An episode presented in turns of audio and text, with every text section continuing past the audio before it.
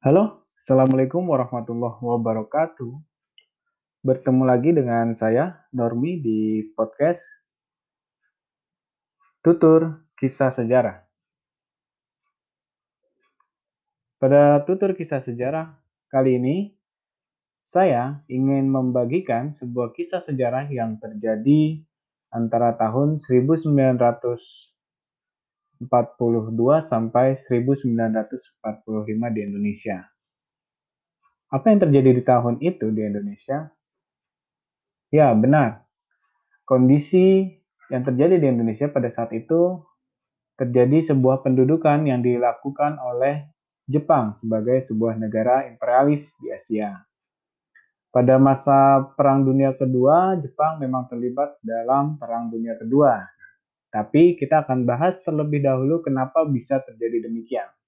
Oleh sebab itu, kita pada kesempatan kali ini akan coba mengurai terlebih dahulu bagaimana modernisasi dan perkembangan imperialisme Jepang, terutama dalam masa restorasi Meiji.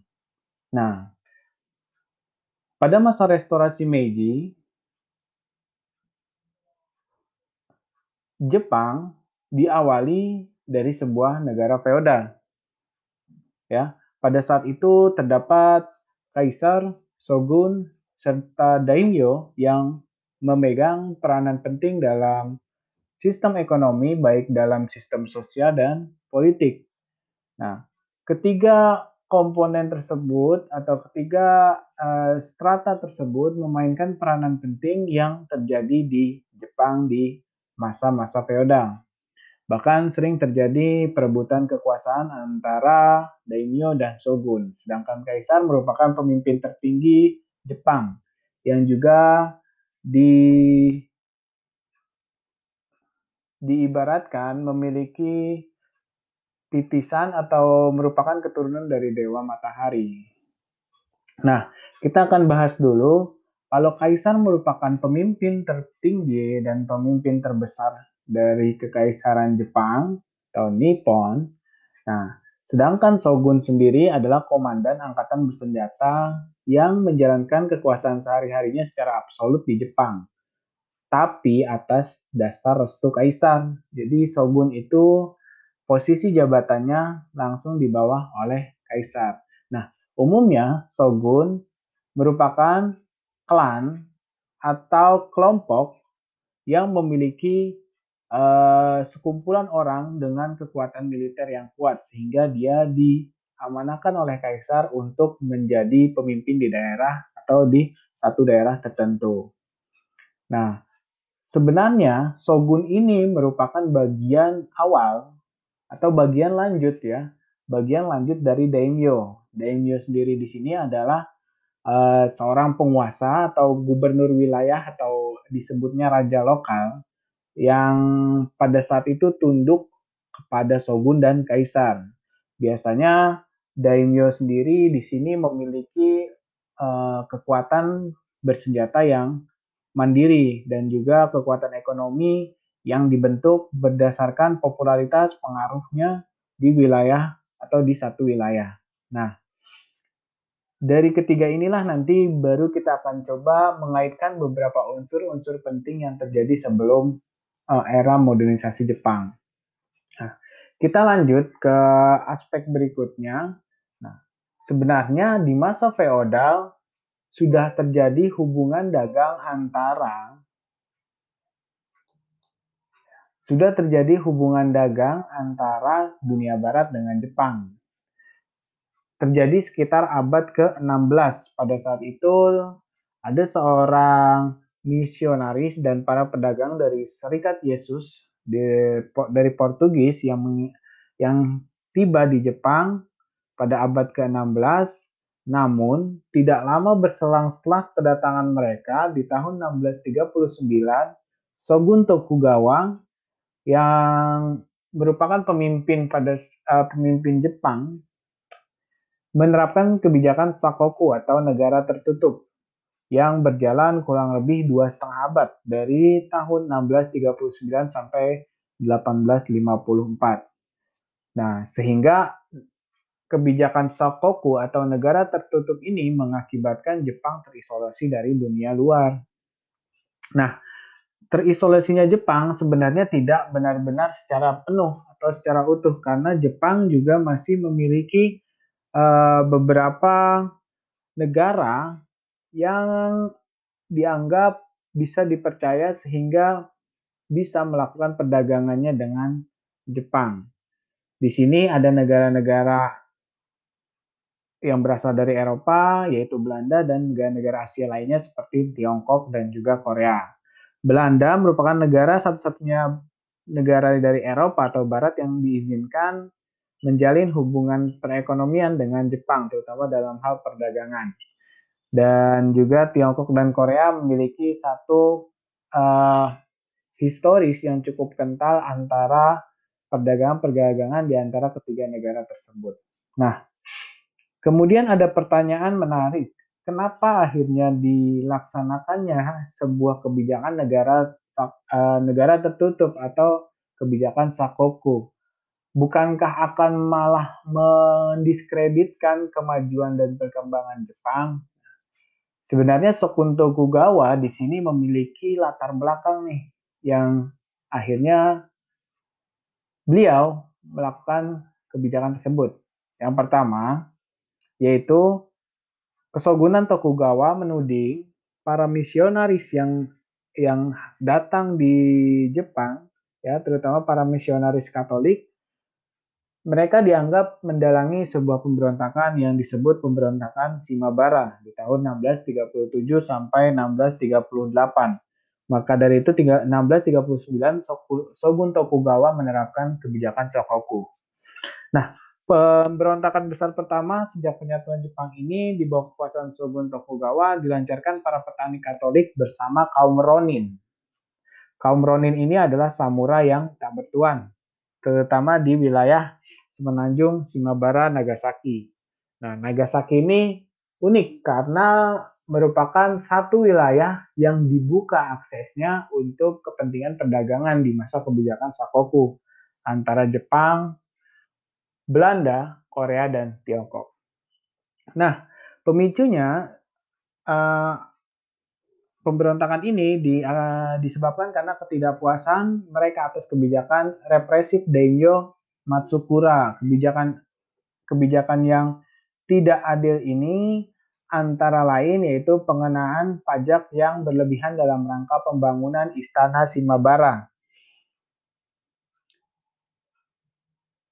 memang eh, dalam hal ini Shogun Tokugawa merasa ada kekhawatiran ketika agama Katolik mulai disebar atau menyebar luaskan agama Katolik yang dilakukan oleh bangsa Portugis di Jepang. Karena yang pastinya dikhawatirkan akan mengancam daripada identitas kebudayaan dan stabilitas di Jepang. Nah, dalam perang atau dalam pemberontakan Simabara ini terjadi sebuah perang terbuka yang melibatkan 125.000 tentara pemerintahan, sebagian besar penduduk Simabara bahkan tewas. Dan akibatnya para misionaris diusir keluar dari Jepang dan penyebaran agama Katolik dilarang di Jepang. Sebagian misionaris dan penganut Katolik yang bertahan dipaksa untuk meninggalkan keyakinannya di bawah ancaman hukuman mati. Dan bila dia tidak ingin meninggalkan agama dan kepercayaannya, berarti ada hukuman mati yang harus ditanggungnya. Pemberontakan inilah yang mengawali kebijakan anti asing di Jepang, sehingga tercemin dalam kebijakan Sakoku yang terjadi sekitar dua abad lamanya. Bila tadi alasan pertama, ada alasan kedua kenapa Shogun Tokugawa menerapkan kebijakan Sakoku. Kebijakan Sakoku eh, dianggap menjadi satu kekuatan dan upaya eh, kekuasaan dari supremasi Tokugawa atas pesaing-pesaingnya. Salah satunya yaitu Daimyo Tozama. Daimyo Tozama ini dianggap eh, berpihak pada tokoh-tokoh dari luar penguasa Jepang Walaupun secara politis Daimyo Tozama merupakan bawahan dari Shogun Tokugawa, namun secara ekonomis relatif independen. Daimyo ini telah lama menjalin hubungan dagang dengan bangsa-bangsa luar seperti Tiongkok dan Korea, sehingga mampu membangun sebuah kekuatan militernya secara mandiri. Memang penjelasan ini cukup masuk akal ya. Kenapa demikian? Karena kenyataannya pemerintahan Shogun Tokugawa memusatkan seluruh aktivitas perdagangannya melalui Nagasaki. Hal ini juga berarti sentralisasi terhadap segala macam pajak dan bea cukai untuk menjamin pundi-pundi atau pemasukan terhadap pemerintahan Shogun Tokugawa terjadi di uh, di daerah daimyo-daimyo tersebut. Lalu bagaimanakah perjalanan kebijakan dari Sakoku di Jepang di masa Shogun Tokugawa. Ya, eh, ada beberapa titik balik atau peristiwa yang akhirnya menandai ber, berakhirnya kebijakan ini. Ya, terutama di abad ke-19. Momen ini terjadi ketika di tanggal 31 Maret 1854, Commodore Matteo C. Perry dengan kapal hitamnya di Jepang yang memiliki uh, tenaga mesin super jumbo dan persenjataan yang lebih mutakhir dibandingkan kapal-kapal milik Jepang. Ini merupakan kapal militer Amerika Serikat yang akhirnya memaksa Jepang untuk menandatangani konvensi Kanagawa tahun 1854 antara Perry dan pemerintahan Shogun Tokugawa. Kenapa demikian? Karena kapal hitam yang dikomandoi oleh Commodore Matteo C. Perry ini mampu meluluh lantakan benteng-benteng yang tertutup bagi bangsa-bangsa asing. Sehingga Jepang mengakui kekalahannya dengan mendatangkanlah konvensi Kanagawa yang isinya Jepang bersedia untuk membuka diri terhadap barat dengan membuka pelabuhan-pelabuhan pelabuhan-pelabuhannya yang tadinya tertutup untuk kapal-kapal asing yang ingin berdagang dan serta menjamin keselamatan kapal Amerika yang karam, serta mendirikan kedutaan Amerika yang permanen di Jepang. Nah, kekalahan Jepang inilah yang akhirnya nanti me, mengikis kebijakan Sakoku di masa Shogun Tokugawa.